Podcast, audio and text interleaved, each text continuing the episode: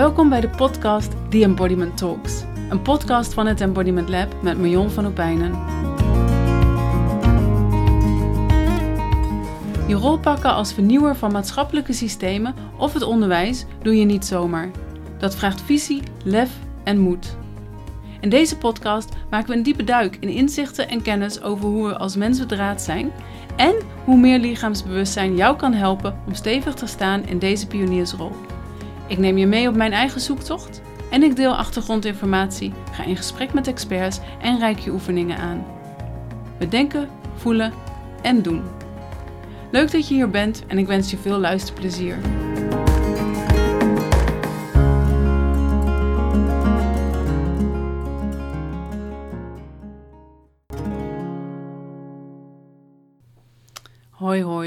Leuk dat je weer luistert naar een nieuwe aflevering van The Embodiment Talks.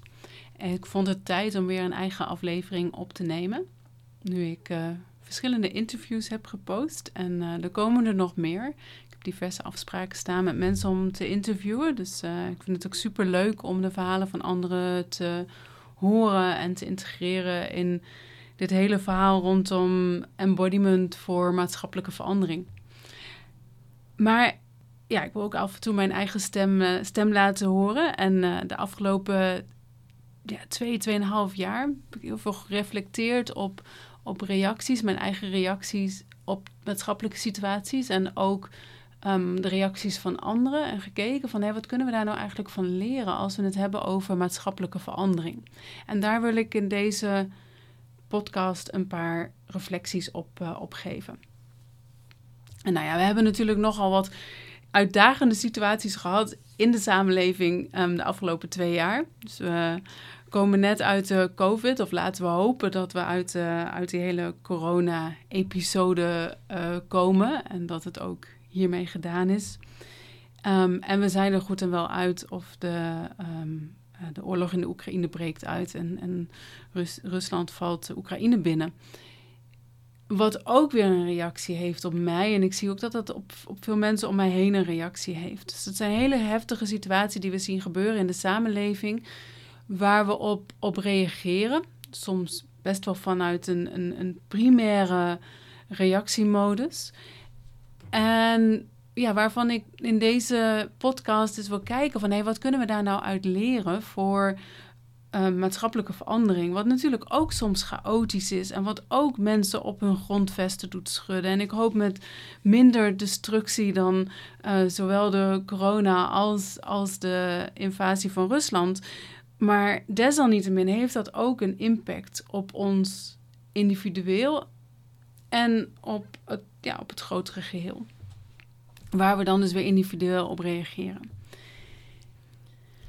Nou, ik kan natuurlijk beginnen met allerlei algemene reflecties, maar ik wil eerst eens um, het een en ander zeggen over mijn eigen reacties daarop. En misschien dat je daar wel het een en ander in herkent, misschien dat jij heel erg anders uh, hebt gereageerd. Maar ik, ik weet nog dat in maart 2020, toen um, uh, corona ook was aangekomen in Nederland en wij um, de overheid restricties ging opleggen aan Nederland, dat ik, ik, ik was bijna in shock dat een overheid om vijf uur kan zeggen: over een uur gaat alles dicht. Um, dat, dat, dat dat kan. Maar ook de, de, de onzekerheid van: hè, waar gaat het over? Um, mezelf verhouden tot iets wat zoveel groter is dan dat ik me eigenlijk, dat ik eigenlijk kan, kan begrijpen, dat ik eigenlijk kan, kan omvatten.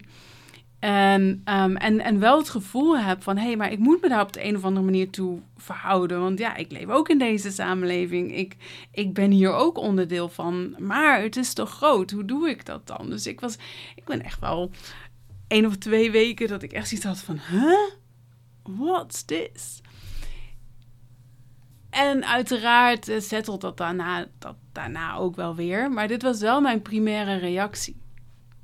En ik had nu eigenlijk een soort gelijke reactie. Ik, merkte dat ik ook naar de, naar de invasie van Rusland en de Oekraïne, dat ik ook een soort van ongeloof had.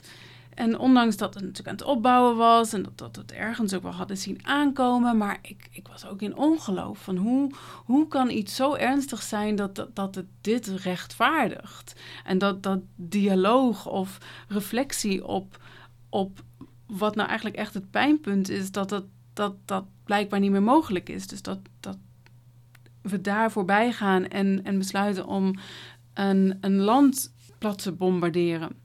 En dat dat dan gerechtvaardigd is. En ook daarin voelde ik een soort van machteloosheid, maar een, een soort van verdoofd zijn. En, en weer diezelfde van, hè? Wat, wat gebeurt hier? En ook wat betekent dit? Wat betekent dit voor mij? Wat betekent dit voor, voor, voor Europa, ehm, voor de Oekraïne, voor um, de wereld, voor de geopolitiek. Er zijn zoveel aspecten bij betrokken dat ik.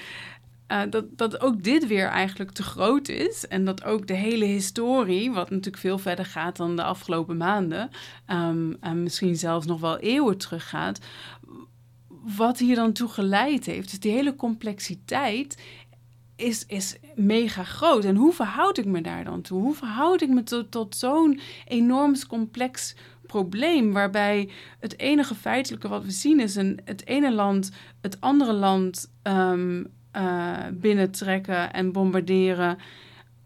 Maar het hele onderliggende systeem en onderliggende gestel is veel groter. En, en dat, dat zien we überhaupt helemaal niet. Dat is überhaupt bijna onmogelijk om te doorgronden. En wat ik hier ook ging doen, was dat ik heel veel ging, ging lezen. Um, ik ging podcast luisteren. Ik heb een hele. Overigens heel boeiend. Ik heb heel veel geleerd van de geopolitiek en de, en de, um, de geschiedenis van de tsaren in Rusland. En um, de de biografie van Poetin. En nou ja, dus, dus de relatie tussen ehm, de Koude Oorlog. Nou ja, weet je, dus ik heb heel veel geleerd. Het was ook best wel interessant. Maar mijn, mijn primaire reactie was dus om alles te gaan proberen te begrijpen. Het liefst was ik gewoon even een dag in, in het hoofd van Poetin gekropen. Zo van, hé, maar hoe werkt dat bij jou van binnen? Hoe denk jij? Nou, en ergens vanuit die reactie van mij om, om de situatie te begrijpen, probeerde ik een soort van controle te krijgen. Een gevoel van controle over die situatie. Nou, we noemen dat ook wel de, de illusion of control. Alsof ik met het weten van al die informatie een soort van controle over, over um, de situatie kan krijgen. Of, een, of weet waar het heen gaat. Zodat ik daarmee mijn eigen um, zekerheid kan um, vaststellen of daarop kan anticiperen, bijvoorbeeld van oké, als ik dan weet waar het heen gaat, dan kan ik vast gaan anticiperen. Um, terwijl we dat natuurlijk eigenlijk nooit weten en dat een enorme onzekerheid is. En dat is misschien wel ook precies waar het om gaat. Van, oh, als, we dus, als we het hebben over complexe situaties, wat wat dit is, beide, zowel corona als de invasie van Rusland in Oekraïne, super complex, dat we dan te dealen hebben met die onzekerheid. En ons hele systeem, ons hele fysieke systeem, houdt daar helemaal niet van om met onzekerheid te moeten dealen. Um, want hoe ga ik dan reageren? Dat weten we niet. En ons systeem houdt ervan om dat wel te weten. Dus het, het vraagt ons om ons te verhouden tot die onzekerheid. En dat geeft dus allerlei verschillende, verschillende reacties als dat dus heel ingewikkeld en lastig is. Of als het zo niet doorgronden is dat we dat kunnen doen. Dus nou ja, in mijn situatie um, werd ik in het ene geval verdoofd. En liep ik een beetje met mijn ziel onder de arm. En in het andere geval ging ik dus heel erg kijken naar allerlei informatie. En, en uh, ja, ik ging eigenlijk proberen om de situatie te begrijpen. En ik heb ook andere reacties gezien. Ik heb mensen gezien die de kamer uitlopen als het erover gaat, het eigenlijk niet willen weten, die niet meer naar het journaal, niet meer naar het nieuws kijken, alsof alles wat er gebeurt op wereldniveau of op Europees niveau of misschien zelfs landelijk niveau, um, dat we dat buiten ons houden. Wat natuurlijk ook een illusie is, want we zitten er wel middenin en we zijn ook onderdeel van dat systeem. En er zijn ook weer mensen die proberen anderen te, te overtuigen. Nou ja, in, in COVID hebben we dat natuurlijk heel erg gezien. Dat er, dat er um, veel overtuigende meningen waren. Die dan ook de enige waarheid bijna konden zijn. En dat zien we nu ook wel weer enigszins terug. Ja, en de vraag is dan natuurlijk, wat kunnen we hiervan leren als we kijken naar maatschappelijke, ehm, maatschappelijke transformatie of maatschappelijke transitie? En hoe kunnen we daar dan mee omgaan?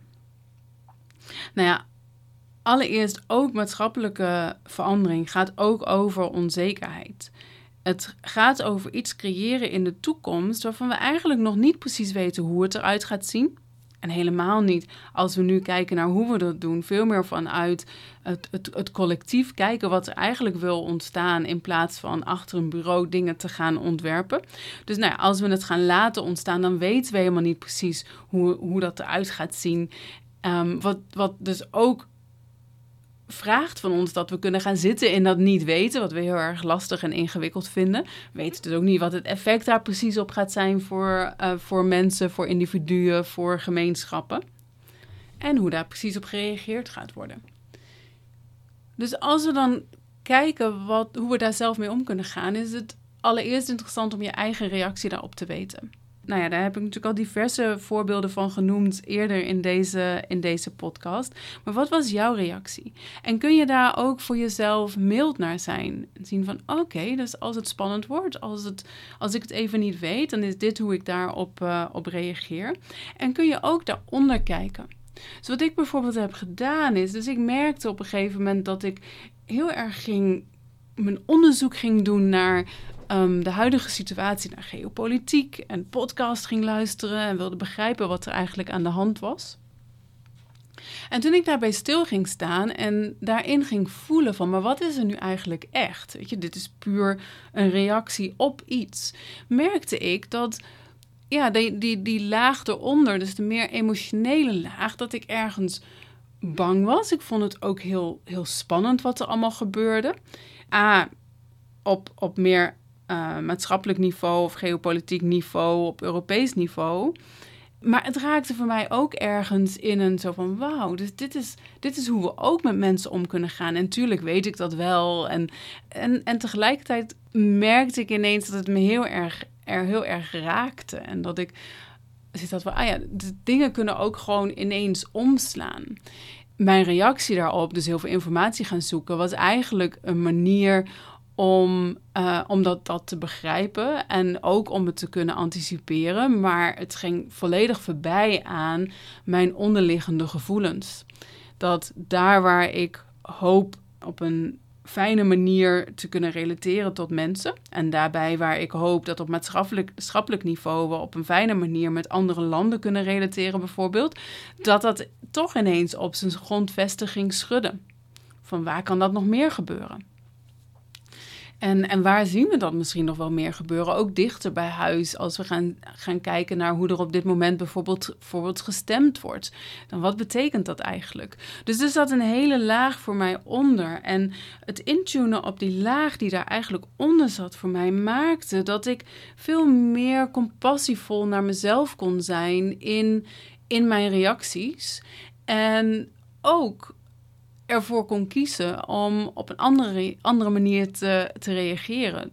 Dus even een keer niet um, mijn onderzoekje te doen naar van hé, hey, maar wat gebeurt hier allemaal? Of um, uh, en stil te staan bij eigenlijk die onderliggende gevoelens. En dat maakt ook dat ik dus milder kan zijn naar de reacties van anderen. Of dat ik minder veroordelend kan zijn naar de, naar de reacties van, van anderen. Dus dat als ik iemand anders zie die, die heel erg strikt en bepalend is over um, zijn of haar ideeën, dat ik dat dan ook kan zien van, oh ja, weet je, iemand is, reageert ook, die is misschien wel boos of misschien ook wel bang of dat weet ik niet. Ik weet niet wat voor gevoelens daaronder zitten voor die persoon. Maar ik kan wel zien dat dat ook een reactie is vanuit die onderliggende laag van gevoelens. En dus daar van daaruit meer compassievol naar de ander kan zijn en ook beter kan luisteren naar de ander. Kan de ander horen in een ander, in een ander perspectief, of ik het er nu mee eens ben of niet. Maar wel denken van, oh ja, dus dit is hoe, hoe jij met die situatie omgaat. En ik denk dat dat heel waardevol is in maatschappelijke transformatie of in maatschappelijke verandering. Dat we ook begrip hebben naar de reacties van anderen. En dat we dan ook even daarbij stil kunnen staan. Dus dat we tot een soort van pauze kunnen komen. Wat ik eigenlijk ook deed. Van oké, maar wat, wat zit er eigenlijk onder? Dat vraagt tijd, dat vraagt aandacht. En dat we ook bij, als we anderen zien reageren op, op bepaalde situaties, dat we daar dan ook bij stil kunnen staan. Zo van, oh ja, er wordt blijkbaar iets geraakt bij iemand. We weten misschien niet wat, maar ik kan daar wel aandacht voor maken. En als dat aandacht krijgt, dan zijn we ook eerder geneigd om, om ook te luisteren naar de ander. Dus als iemand luistert naar mij, ben ik ook eerder geneigd om naar de ander te luisteren. En dat alleen al geeft een soort van rust in het, um, in het systeem en geeft een soort van rust in mijn relatie met, um, met de ander. Dus wat voor mij belangrijke leerpunten waren in, in um, mijn reacties en de reacties die ik heb gezien, is dat, dat de reacties die we de afgelopen twee, tweeënhalf jaar hebben gezien op toch best wel heftige maatschappelijke situaties, dat dat ook de reacties zijn die we kunnen verwachten bij maatschappelijke verandering.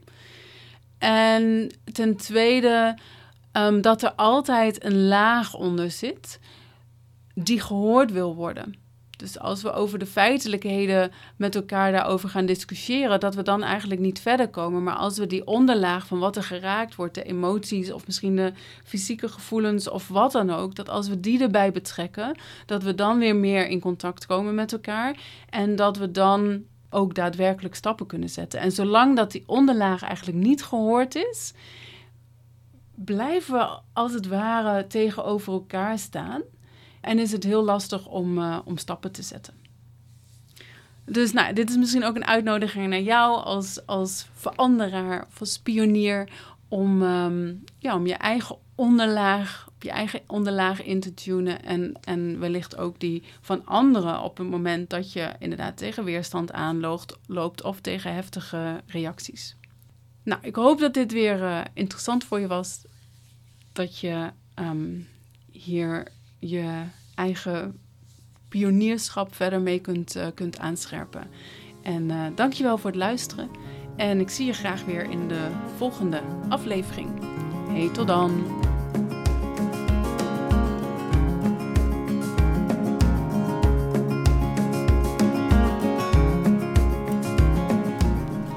Dat was hem weer. Leuk dat je luisterde naar deze aflevering van The Embodiment Talks.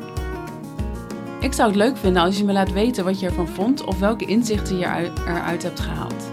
Mail me op marion.embodimentlab.nl Dit mailadres kun je ook gebruiken om met me in contact te komen.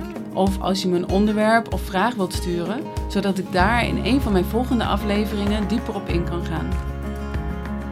Wil je op de hoogte gehouden worden van nieuwe afleveringen? Abonneer je dan op deze podcast. Of ken je iemand voor wie deze podcast ook interessant is? Twijfel niet en stuur een link door. En vergeet ook niet deze podcast te liken of een comment achter te laten als dat in jouw podcast-app kan. Meer informatie over mijn werk vind je op mijn website embodimentlab.nl. Korte filmpjes over relevante onderwerpen post ik op mijn YouTube-kanaal Embodiment Lab. Dankjewel voor het luisteren en graag tot een volgende keer.